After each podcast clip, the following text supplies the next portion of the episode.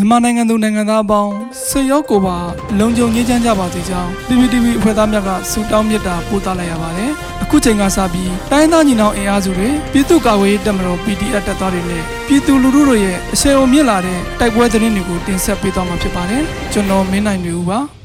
။ပထမအောင်ဆုံးအနေနဲ့ရန်ကုန်မြောက်ကလာရှိ435336ထောက်ပို့တန်ရင်ဘုံခွဲတိုက်ခတ်ခံရတဲ့သတင်းတင်ဆက်မှာပါ။ရန်ကုန်တိုင်းမြောက်ကလာပါမြို့နယ်အုတ်ကလာကောက်ကွင်းနီးရှိ 435436ထောက်ပို့တန်ရင်တွင်ယနေ့အော်တိုဘာလ29ရက်နေ့နေ့လယ်ပိုင်းကဘုံခွဲတိုက်ခတ်ခံရကြောင်းဒေသခံပြည်သူများပြောဆိုချက်အရသိရပါဗျ။အဆိုပါဘုံခွဲတိုက်ခိုက်မှုဖြစ်စဉ်ကြောင့်ထိခိုက်ဒဏ်ရာရရှိမှုအခြေအနေကိုမသိရှိရသေးပါဘူး။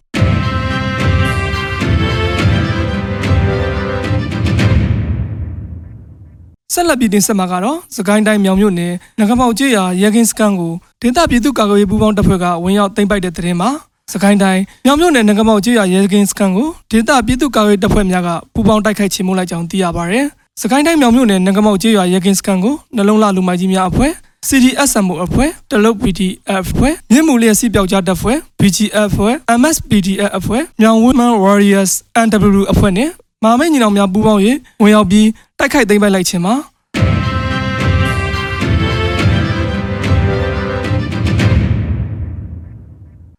ဆက်လက်ပြီးစစ်ကောင်စီနှင့်ခိုးခန့် MNDA တို့တိုက်ပွဲဖြစ်ပြီး MNDA ကစစ်ကောင်စီထံမှလက်နက်များတင်စီရမိတဲ့တဲ့ရင်ကိုတင်ဆက်သွားမှာပါရှမ်းပြည်နယ်တွင်စစ်ကောင်စီတပ်များနဲ့ခိုးခန့် MNDA တပ်များတိုက်ပွဲဖြစ်ပွားပြီးစစ်ကောင်စီတပ်များ၏လက်နက်များကို MNDA ကတင်စီရမိကြောင်းခိုးခန့် MNDA ရဲ့ပြန်ကြားရေးကသတင်းဖော်ပြထားပါတယ်အော်တိုဘာလလလယ်ပိုင်းတွင်မွန်ဂိုဖုံးဆိုင်ဒေသသည်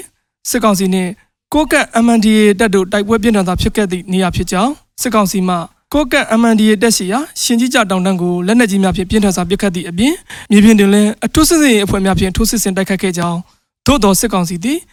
ရှုံးပွဲများဖြင့်အဆုံးသတ်ခဲ့ကအော်တိုဘာလ29ရက်နေ့မှစတင်ပြီး MNDA ကစစ်မြေပြင်ရှင်းလင်းရေးကိုလှုပ်ဆောင်နေစဉ်တွင်စစ်ကောင်စီမှဆွန့်လွတ်ခဲ့သောလက်နက်ခဲယမ်းများကိုထပ်မံတင်စီရမိကြောင်းကိုကန့်စာမျက်နှာကသတင်းဖော်ပြထားပါတယ်။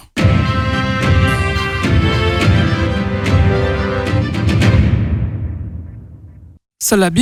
ပြီး KMU တပ်မှ9နယ်မြေအတွင်း၃ရက်အတွင်းစစ်ကောင်စီနဲ့ KNL တို့တိုက်ပွဲ၅ကြိမ်ဖြစ်ပြီးစစ်ကောင်စီတပ်ဖွဲ့ဝင်၄ဦးသေဆုံးတဲ့သတင်းကိုတင်ဆက်ပေးမှာပါ။ KN မျိုးသားစီယုံ KNU တပ်မှ9ထိန်းချုပ်ရာဖာပုံခရိုင်အတွင်းအကြမ်းဖက်စစ်ကောင်စီနဲ့ KN အမျိုးသားလုံးမြောက်ရေးတပ်မတော် KNL တပ်မှ9တပ်ဖွဲ့တို့အောက်တိုဘာလ26ရက်29ရက်နဲ့28ရက်နေ့မှာတွင်တိုက်ပွဲ၅ကြိမ်ဖြစ်ပွားပြီးစစ်ကောင်စီဘက်မှ၄ဦးသေဆုံးကြောင်းသတင်းရရှိပါတယ်။အဆိုပါတိုက်ပွဲ၅ကြိမ်လုံး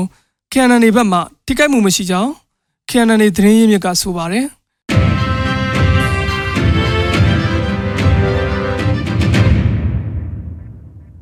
ခေါလင်းတိုက်ပွဲတွင်စစ်ကောင်စီဘက်မှ25ဦးထပ်မံတေဆုံးတဲ့တဲ့ရင်ကိုတင်ဆက်ပေးမှာပါ။စကိုင်းတိုင်းခေါလင်းမြို့နယ်အရှိချံဖလဲရွာအနီးမှာစစ်ကောင်စီတပ်များနဲ့ခေါလင်း PDF တို့